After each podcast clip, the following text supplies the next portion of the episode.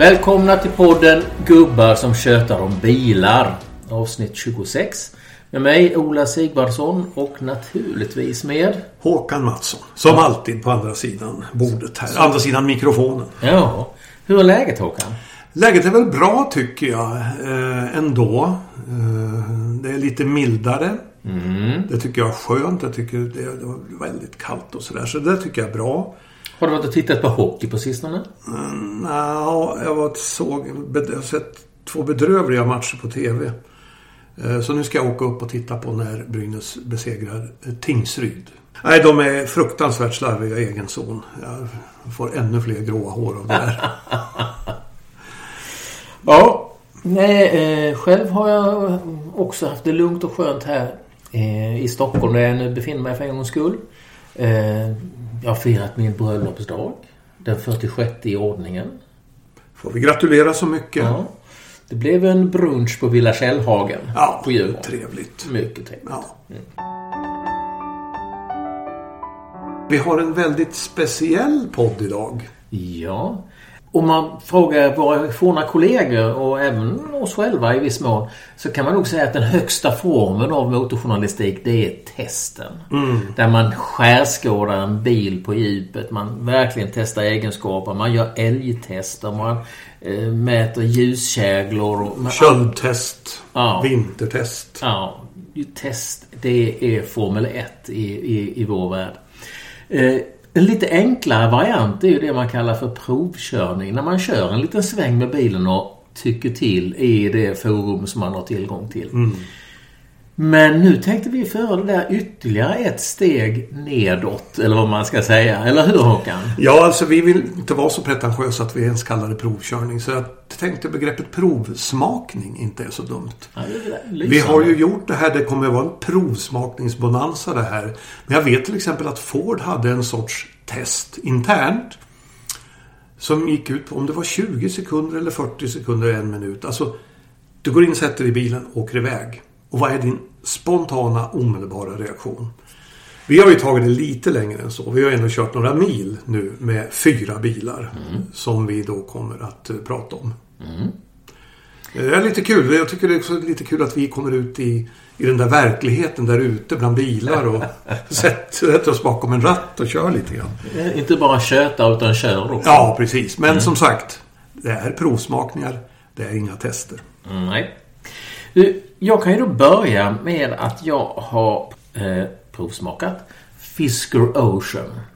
Och vi har ju pratat om Fisker vid, vid flera tillfällen. Eh, men vad är det här för ett märke Håkan? Du, du har koll på Fisker? Ja, men Henrik Frisk är ju dansk ursprungligen och designer i botten. Han var ju, första gången jag träffade honom var han ju chef för BMWs designcenter i Kalifornien.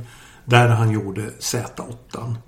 Och det, det borde Denna- han, sen denna kunde han ju ha lagt av, tänker Ja, jag. den, denna leg legend, Ja. legendar. Han är ju en väldigt trevlig människa. Jag har stött på honom genom åren. Ehm, han var på Aston Martin en sväng och gjorde DB9. Han startade sitt eget märke och kom med en, faktiskt en hybrid. Fisker Karma som är otroligt snygg. För, Fort, för många år sedan. för många, många år sedan, ja. Det här är väl början 2000-talet. Eh, tekniskt var bilen inte så lyckad. Den var väldigt tung. Och batteriräckvidden i den här laddhybriden var ju väldigt, väldigt dålig. Som jag minns det. Men den var ju jättesnygg. Den är, håller ju fortfarande designmässigt. Sen har han ju hållit på sådär och försökt skapa sitt eget bolag. Och nu har, nu har han ju framme här med då sin första bil i det här under märket Fisker. Som ju är ett helt annat upplägg. Vi hade ju med honom i podden när jag intervjuade honom för ganska precis ett år sedan från elbilsmässan då i, på Friends. eh, Det vill säga snart eh, Strawberry Arena. Jordgubben. Jordgubben. Är inte det något gängkriminellt förresten? Ja, i alla fall. Han berättar ju då om det annorlunda industriella upplägget. Han lägger ut tillverkning, han lägger ut försäljningen. Han eh, lägger ut service och reparationer. Så att han har ju ett helt annat upplägg än de traditionella biltillverkarna. Han påstår ju att han tjänar pengar från första sålda bil på det här sättet. Jag tror att den där ekonomin i det bolaget fortfarande är väldigt skakig. Ja. Men Fisker Ocean är ju en väldigt speciell bil. Jag vet inte, hade du California Mode? Eh, det var med California Mode men faktum är att det var, det var så kallt en dag så det, vi provade inte att dra ner alla rutorna. Inklusive bakrutan. Ja, visst är det fräckt alltså. Alla rutor, inte vindrutan då, men alla rutor inklusive bakrutan med ett knapptryck. Ja, det är jätteläckert. Ja, nej, men bilen tillverkas ju då styckvis på eh, Magna Steyr i Österrike. Och det är ju smart på det sättet att han slipper ju satsa en miljard på att bygga upp en fabrik. Mm. Utan han, fabriken finns redan. Bilen är snygg utan att vara sådär särskilt speciell. Det är en stor SUV. Alltså man kan titta på nästan vilken stor SUV som helst. Alltså i elbilsvärlden så är den ganska lik Fisker Ocean. Nu så har man sett att de har gått igång. De är uppe i en produktion idag av 300 bilar om dagen. Och sedan introduktionen i oktober i Sverige så har de sålt 100 bilar. Så det är ja. så många som de har fått ut, ut på vägarna. Bilarna finns eh, i allmänhet till salu direkt. Om du vill ha en Fisker så kan du få en i nästa vecka i mm. princip. Om, om, du vill. Jag läste någonstans att han har ju övergett Tesla-modellen. Han kommer ju ha traditionella återförsäljare i Europa. Ja, I framtiden. Ja. Men nu säljs det visst mest från den här eh, generalagenturen i eh, bilhallen i Kungsängen ja. Eh, väster om Stockholm. Och där var du och körde? Där var jag och körde jag i snömodd och elände. Man kan ju säga att, att, att, att den, den är ju som en SUV. Man kliver in och man sitter högt och man har väldigt god sikt framåt, väldigt usel sikt bakåt kan jag ju säga mm. direkt. Men det är ju ganska vanligt mm. i den här typen av, av bilar. Instruktion och funktioner är som väntat. Stor lodrättstående skärm som reglerar det mesta. En liten skärm framför föraren med hastighetsmätare och sånt och det tycker jag ju ändå är, är väldigt behagligt. Mm. Att slippa titta åt, åt sidan för att se hur fort, hur fort jag kör. När man kör bilen på knagglig eh, eh snömodd eller ljus så känner man ju att den är tung. Mm. Den väger ju 2,5 ton. Och, det, och det märks på, i stan och det märks på dåliga vägar. Men på motorväg så ligger den ju naturligtvis som en, en kloss på vägen och bara susar fram. Den är tyst, det är lite vägljud men inte så farligt. Om man tittar på små detaljer som du och jag tänkte vi skulle göra när vi smakprovar mm. så kan man säga att Alltså, körriktningsvisarens ljud är tungt och eh, liksom har en allvarstyngd. Det låter ungefär som när man dricker en öl i stora klunkar. Alltså klonk, klonk, klonk. Eh, sen är det där med att vi skulle titta på handskfack. Jag, jag har ju alltid varit intresserad av det eftersom jag menar att handskfacksluckans beteende och ljud. och ljud kännetecknar hela mm. bilens genomgående mm. kvalitet. Alltså skramlar den och dunsar ner så är det inte så mycket med i bilen. Men om den glider ner tyst och fint mm. så, så kan det vara så att det är en bättre kvalitet. Det intressanta i det här fallet är att det finns inget riktigt handskfack i Fisker Ocean. Nej. Nej. Utan vad de har det är en liten lucka som möjligen rymmer bilens identitetspapper som är i underdelen av passagerarstolen. Jaha. Ett litet lucka som man får böja sig ner där och pilla upp. Så är det kanske en 3-4 cm hög ungefär och rymmer en, en instruktion. Men var ska man lägga handskarna? Ja, de får man eh, lägga någon annanstans. Sen eh, när det gäller det här med strålkastartorkar som vi också ska ha under specialbelysning så är det så att det går ju inte att öppna motorhuven. Eh, det krävs alltså att en servicetekniker som gör det på verkstad. Men hur fyller man på spolarvätska? Det finns en lucka som ligger alltså i den här lilla äh, gången. Alltså där, där själva strålkast... Äh, ja, ja. Torkarna sitter. Ja. Där är en liten svart lucka som man häller i ja, okay. äh, vätskan i. Istället för handskfack in i bilen, om man nu hoppar från det ena till det andra, så kan man alltså trycka på en knapp och då fälls det ut ett litet bord framför passageraren. Alltså, säg 30 gånger 15 centimeter. Ett litet mm -hmm. bord för några kaffekoppar och en, en, en kanelbulle kanske. Ungefär så. Ja, lite fiffigheter ändå. Ja, lite fiffigheter ändå. Mm. Eh, det som jag tycker är det stora avbräcket med bilen det är det att det är så många av de digitala elektroniska funktionerna som inte fungerar än. Oh.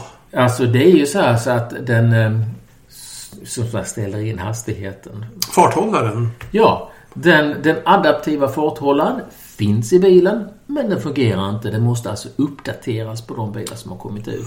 Man kan inte ställa in fjärrvärme eh, från telefonen innan man kommer till bilen, alltså in i kupén. Mm. Man kan inte förvärma batteriet och ja, det är ett otal funktioner som inte är igång och där de då eh, säger att kanske kvartal två. Och då måste alltså bilarna uppdateras en och en. Alltså har jag en Fisker Ocean som behöver uppdateras så får jag en tidpunkt, en natt till exempel då det ska ske. Och sen sitter det tekniker i USA och uppgraderar. Men de gör det over the air. Du behöver inte åka till, de gör det over the air. till verkstaden. Nej. Men som sagt, de har ju lovat detta nu länge. Ja. Att detta skulle ske. Ja. Sen, de har så, sålt bilar som inte är färdiga helt enkelt. De har sålt bilar ja, som nej, inte är färdiga. Det, det, är helt klart. Det är faktiskt inte okej. Okay, nej, det är inte. Så jag tycker inte heller det är okej. Okay. Sen så har de ju då gjort den här fiffiga lösningen med att serviceverkstäderna är Mekonomen. Så mm. vi har flera hundra verkstäder i Sverige. Men på fråga så är det så här att det finns alltså ingen färdig överenskommelse med en enda Mekonomen verkstad. Alltså det finns en principöverenskommelse att de ska göra detta och Fisker har valt ut tio verkstäder som de vill ha en överenskommelse med. Men det finns ingen än. Utan är det så att man får problem med sin Fisker så är det generalagenten i Kungsängen som gäller. Ja, det är ytterligare. Det är ju sånt här man undrar med, med ett sånt udda märke. Fungerar ja. service? Vad händer om jag blir påkörd? Mm. Vem ska reparera? Eh, etc. Och naturligtvis andrahandsvärdet kan man ju alltid ja. fundera över med, med ett udda märke som, som, som Fisker. Absolut. Innan jag släpper, släpper bilen, mm. för vi ska väl inte gräva ner oss för djupt i den, så kan man säga att det finns ju då flera stycken varianter eh, med olika mycket eh, batteristorlek och mm. eh, hur, hur, långt man kan åka med dem. Den intressanta bilen är väl toppmodellen som heter Extreme. Och där har man alltså ett batteri som ge, ge, genererar 500 hästar och 70 mil i räckvidd. Ja, det är ju saftigt. Det är jättebra. Det ja. är bilens absolut starkaste ja. argument ihop med priset. Mm. När man får hela detta paket eh, för 690 000. Mm. Om man jämför då med, med de andra kinesiska bilarna som har en kvalitet i nivå, egenskaper i nivå med Fisker. Så kostar de ju ett par hundratusen till. Mm. Ja, lite, lite, lite gott och blandat där känns ja, det som. precis. Jag skulle vilja säga att det är en spännande bil. Om man vågar chansa så får man mycket bil för pengarna. Om man är beredd att satsa de här 690 000. Så det är frågan, smakar den här surt eller salt eller sött? Kanske lite sötsurt? Lite sötsurt. Ja. Det tror jag. Okay. Men du har kört någonting annat? Ja, jag har ju kört det som förmodligen är bilvärldens alltså mest eh, hyllade bil just nu. I alla fall har den fått mest utmärkelser. Kia EV9. Jag ska dra dem här lite snabbt. Den har fått Teknikens Världs Stora Bilpris 2024. Årets elbil 2023 av tidningen Elbilen.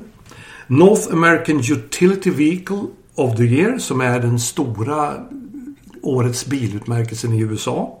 Där det finns tre kategorier. Det är Car, Truck och Utility. Edmonds i USA ger priset för bästa elsuv. Men också Best of the Best av sex kategorier. Car Connection har gett den Best Car to Buy 2024. Popular Science Best of What's New 2023. Årets familjebil 2023 av Top Gear i England. Goldenes Lenkrad i Tyskland, kategorin familjebil. Och lyxkategorin i German Car of the Year 2024. Där 27 journalister testar 48 modeller i fem kategorier. Och den här vann, Kia EV9 vann alltså Luxury. Så då är den enkla frågan. Är den så bra?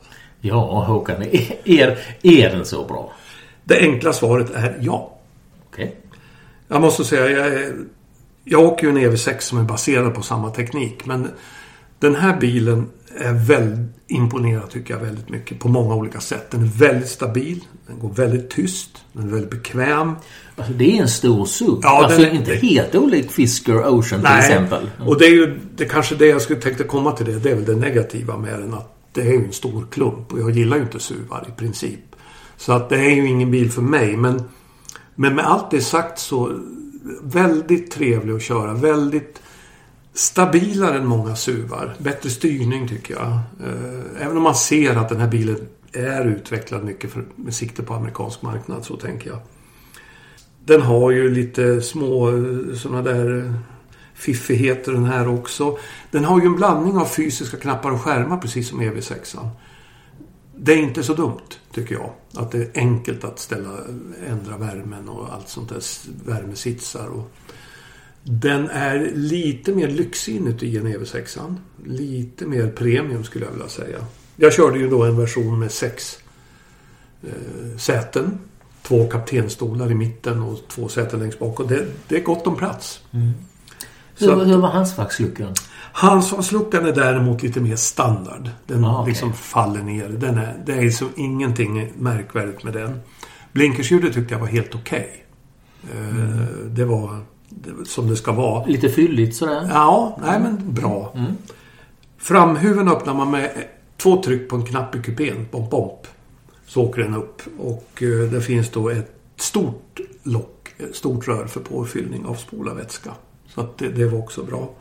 Ja, jag tycker, jag tycker den, den eh, är bra och den kostar då i den här versionen jag kör, det kostar nästan 900 000. Det låter ju svindlande mycket. Men billigaste Volvo EX90 kostar ju då faktiskt 100 000 mer.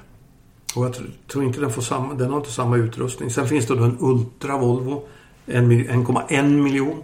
Den här kan man köpa, jag tror att mellanläget här 877 och 9 för GT Line, det är det man ska ha. Mm. Väldigt mycket pengar men fortfarande tycker jag konkurrenskraftigt. Jag tänker att de som inte vill vänta 14 till 15 månader på en EX90 som väntetiden är just nu enligt Volvos hemsida. Att de kan börja titta på en EV9. Ja, imponerad faktiskt. Bra bil. Mm. En... Men inte för mig. Den är för stor. Mm. Den är för klumpig. Men ändå en, en provsmakning med mersmak. Ja, det är mersmak tycker jag. Ja. Mm.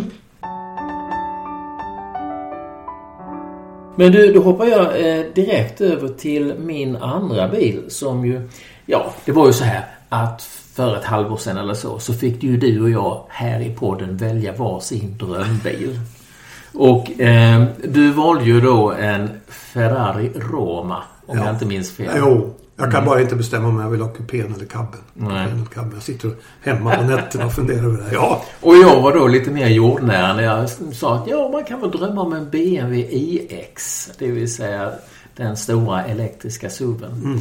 Eh, jag kan ju fråga dig, har, har, har, du provsmakat en Ferrari Roma på sistone? Nej, nej. Jag får ingen chans till det tyvärr. Mm. Eh, det kanske går att ordna men ja jag skulle nog vilja mer än provsmak om jag fick, fick lägga händerna på en sån. Då skulle jag vilja sätta mig här och köra ner till Rivieran. Sätta Dri tänderna i den? Ja, dricka kaffe och så åka hem igen. Mm. Ja, nej men jag har ju då fått provsmaka BMW eh, iX. Mellanmodellen som heter 50. Jag har 523 hästar och 0 till 100 på 4,6 sekunder och väger 2 och 6 ungefär. Mm. Så den är ju inte något lätt. Men på många sätt kan man säga att den påminner också om, om Fisker Ocean och om Kia Evening. Alltså stor SUV i, och tung. Och i, i 2,5 tons mm. Den här var ju väldigt välutrustad. För mig får jag då erkänna att det var första gången som jag körde med head-up display. Ja. Och det var jättekul. Ja. Eh, väldigt. Ja, det har jag i EV6 och det hade även den här GT Line EV9 som ja. jag sa som bästa alternativ. Det är inte så dumt. Det är inte så dumt, nej. Verkligen inte. Den är stötig på isbucklig väg. Eh, dåliga vägar förstås eftersom den är så tung och därmed har lite hårt ställd mm. fjädring. Men eh, ett landsvägslok när man väl kom ut med den. Jag provsmakade den hela vägen till Uppsala och tillbaka. Oj, oj, oj. Ja. I motorvägsfart så har den ett dovt vägljud. Det går inte mm. att komma ifrån. Men den är häpnadsväckande fri från vindbrus. Och det, mm. det tycker jag är, det är väldigt, väldigt behagligt. Sikten är ungefär som i Fisker. Perfekt framåt men usel bakåt. Baksätet är ganska lågt och känns inte speciellt bekvämt för långresor. Eh, handskfacksluckan är en dröm. den glider ner lugnt och fint. Och den är upphängd alltså? ja, det är precis. Ja, alltså, det, ja, det är helt fantastiskt. Eh, när det gäller eh, påfyllning av spolarvätska så eh, är det även här så att motorhuven inte går att öppna om man inte är servicetekniker. Däremot så döljer sig påfyllningsluckan under eh, alltså logotypen på motorhuven. Man flippar Aha. till den och så fyller man på. Det är lite som min gamla Audi A2. Ja, Där fyllde man också på i fronten. Alltså, körriktningsvisarens ljud inte något nå vidare. Så Det är lite ljust, lite lättflyktigt. Det låter ungefär som när någon sitter och knäcker med knogarna om du förstår vad Ja. jag menar. Knäck, knäck, Sånt, knäck, sånt tycker jag är så irriterande när folk Ja. gör det. Ja. Men så, så låter den tyvärr. Eh, men är det då en drömbil?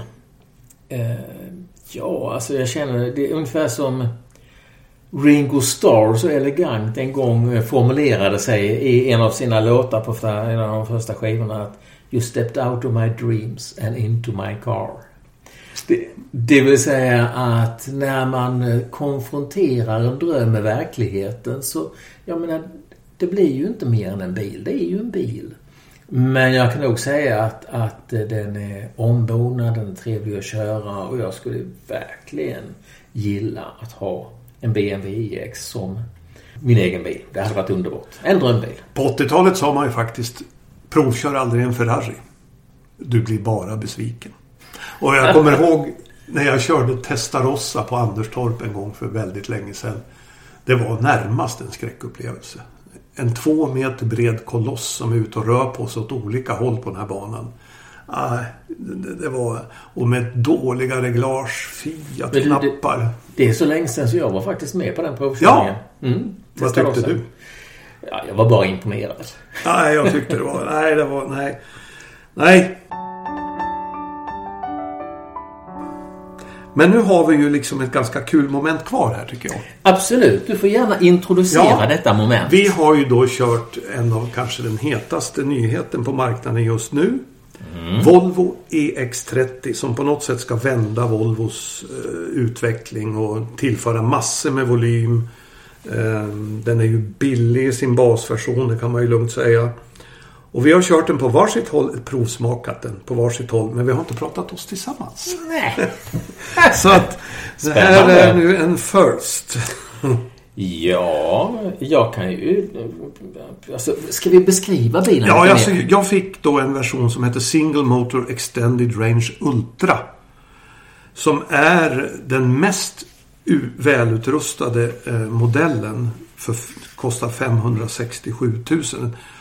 Ja, mest välutrustad vad gäller single motor. Mm. Det var den jag körde också. Ja, så det är väl den de har till provkörning då. Vi kan väl säga om den här billigaste kostar ju 429 000. Och enligt Volvo-försäljaren som lämnade ut bilen till mig så är det den de säljer av. Och jag blev alldeles häpen därför att den har ju liksom 34 mils räckvidd. Och har ju en massa saker den inte har. Den har ingen pilot assist, den har ingen P-sensor fram vad jag förstår.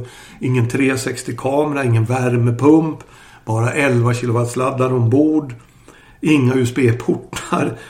Alltså så att jag tänkte, varför köper de den? Och sen, ja, det är folk som vill ha en, en andra bil som bara ska köras liksom som pendlarbil.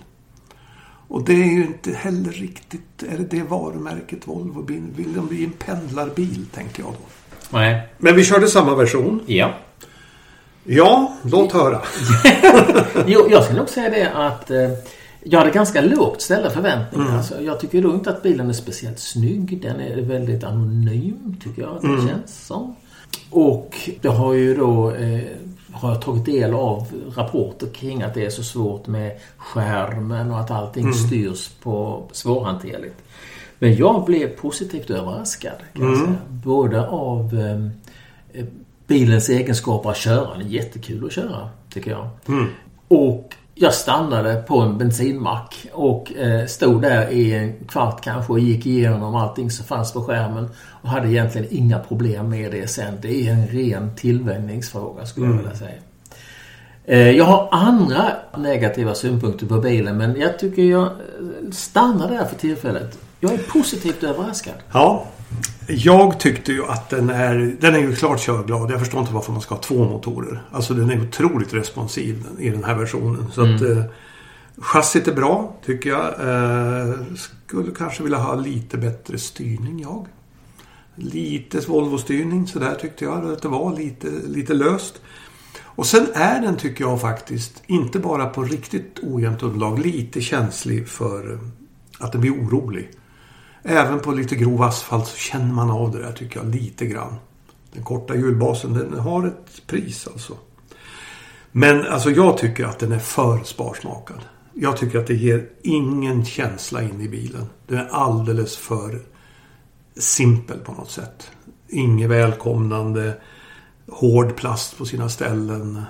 Jag gillar det inte. Jag tycker skärmen egentligen faktiskt, om man nu ska ha en skärm, att den är för liten. Jag tyckte det var, det var bökigt att hålla på och ställa in saker via den där skärmen. Till exempel då ytterbackspeglarna måste in i skärmen och grejer och ha sig. Det kan man ju säga att man gör när man står stilla. Men om man då plötsligt ska backa eller liksom ändra dem. Då ska man in. Det blir så många moment jämfört med en traditionell lösning. Tycker jag. Jag tyckte om, jag tyckte bara säga, jag tyckte om innerdörren med det där flytande handtaget. Tycker jag var läckert. Och det där kromade, själva dörröppningen. Det var, det var snyggt. Men... Eh, Eh, nej, det var ingen bil jag riktigt trivdes i faktiskt. Mm. Det, om jag ska komma till det som mm. jag inte var så förtjust i. Så tyckte jag inte att, att man satt så där väldigt bra. Eh, dels så tycker jag det var korta säten. Alltså mm. man sitter lite spänd i, med, med, med, benen. Och sedan så eh, var det inte tillräckligt mån när det gäller ratten. Både i djupled och, och höjdled så var, var den för lite rörlig. Så när jag hade liksom ändå fått lagom avstånd till ratten och satt stolen där jag ville ha den. Så plötsligt var det väldigt lite utrymme kvar för att sträcka ut vänsterbenet. Man satt lite trångt. Mm. Och jag känner att om jag skulle ligga och pendla med, med den till Skåne till exempel så skulle jag eh, nog inte känna mig speciellt fräsch när jag kom fram. Både den och Kian ha, har ju ögonavläsning. Mm. Jo, jag blev uppläxad flera gånger. Därför att du måste sitta och titta på skärmen? Ja. Så det är ett himla plinge plinge plångande. Så fort du tittar bort där så då mm. sätter du igång. Koncentrera dig på körningen. Ja. Och det, det, måste ju bli så. Jag saknar ju verkligen att man kan inte ens få head-up display i en Volvo EX30. Om du så betalar en miljon. Har jag förstått. Det saknar man ju. Man skulle ju vilja ha, eller åtminstone framför sig, där nu det sitter den här kameran för ögonavläsning bara en liten extra skärm som berättar om hastigheten. Jag tyckte det var besvärande att sitta och titta, leta lite grann. Ut till höger var, ja, ja men det är ju övre kanten där. Så att där hittar du liksom hastigheten. Nej. Jag är mer och mer tveksam till de här skärmarna som ska göra allt. Jag trivs med min Kia EV6 där det är visserligen en skärm. Det är en kombination av skärmar och fysiska knappar. Men de har inte tagit det så långt som Tesla med liksom körkningsvisare som knappar i ratten och, och sånt där. Nej, det, det är ju ännu värre. Ja. Men däremot handskfackluckan.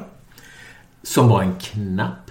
Ja, på displayen. På displayen. Ja. Och tryckte man på den så hoppade ett pyttelitet fack ner i, i, i centrum av, av panelen. I mitten. Hårt plast. Fult. Ja. Skulle jag vilja säga.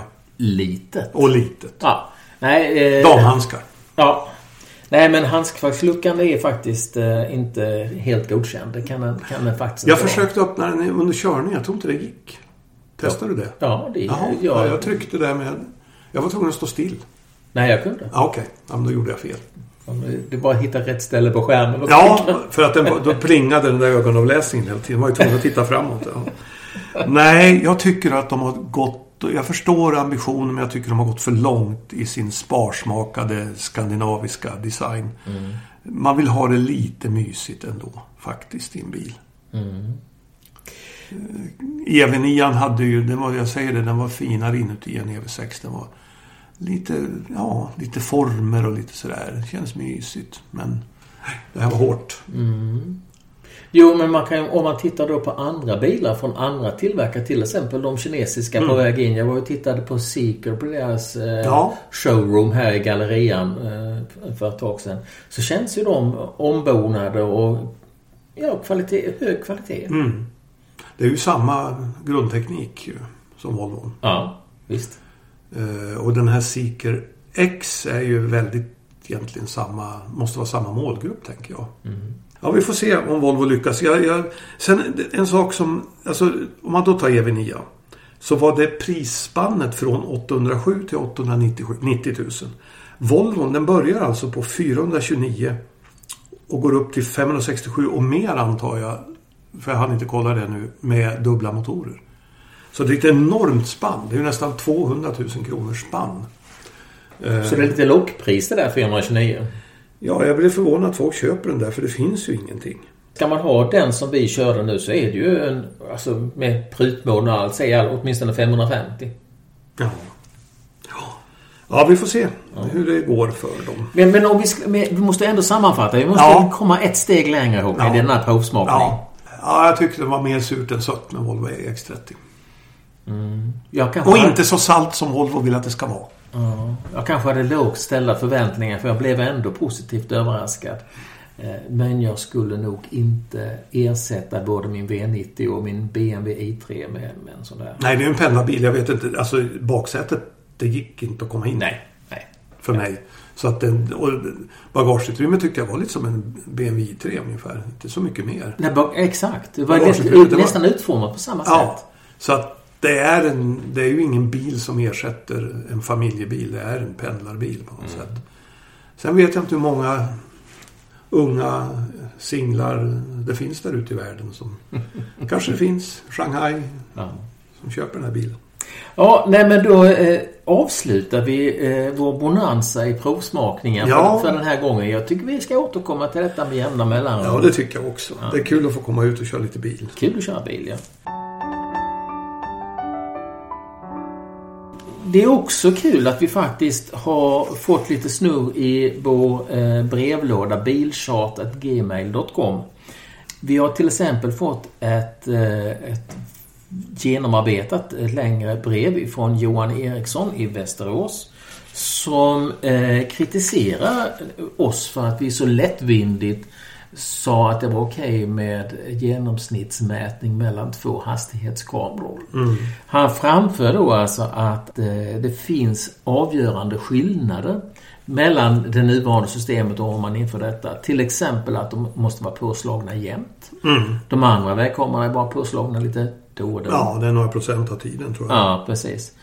Och att alla bilar måste fotograferas eh, för att man då vid, vid den andra kameran ska kunna bedöma då att om de har kört för fort.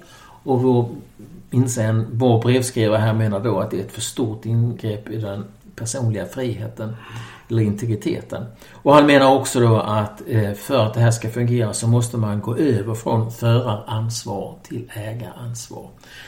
Och ja, han tycker att vi helt enkelt tog det här alldeles för lätt. Vad säger du Håkan? Alltså jag tror vi tog upp det här problemet med förar och ägaransvar eh, i den där diskussionen. Och det är ju en fråga som måste lösas då. Men så vitt jag förstår så de andra länderna som har det här, det vill säga Norge, eh, bland annat Norge, de har ansvar, fortfarande. Och då, ja, då, då fotograferas ju föraren och så får man en bild hem och så. Nu tycker Johan Eriksson att det här fortkörning inte är särskilt allvarligt brott. Skriver han. Men det, det visar ju sig då i en, en massa länder som inför den här typen av mätning nu att hastigheterna går ner. Skador, trafikskadorna minskar. Det finns en trend där ute i världen med mer, mer typ av den här snitthastighetsmätningen. Och jag tycker att det är rimligt faktiskt att, att uh, har, har vi ingen annan metod innan vi har byggt om alla vägar så att de är perfekta så då bör man ändå använda sig av, av den teknik som finns. Ja, jag står fast vid det. Men vi, jag tycker vi ska utreda det här med ägaransvar och föraransvar lite grann till. Och sen hur det fungerar. Därför att i Norge är det i alla fall så att om det inte blir något utslag för att har kört för fort, då raderas bilder och uppgifter.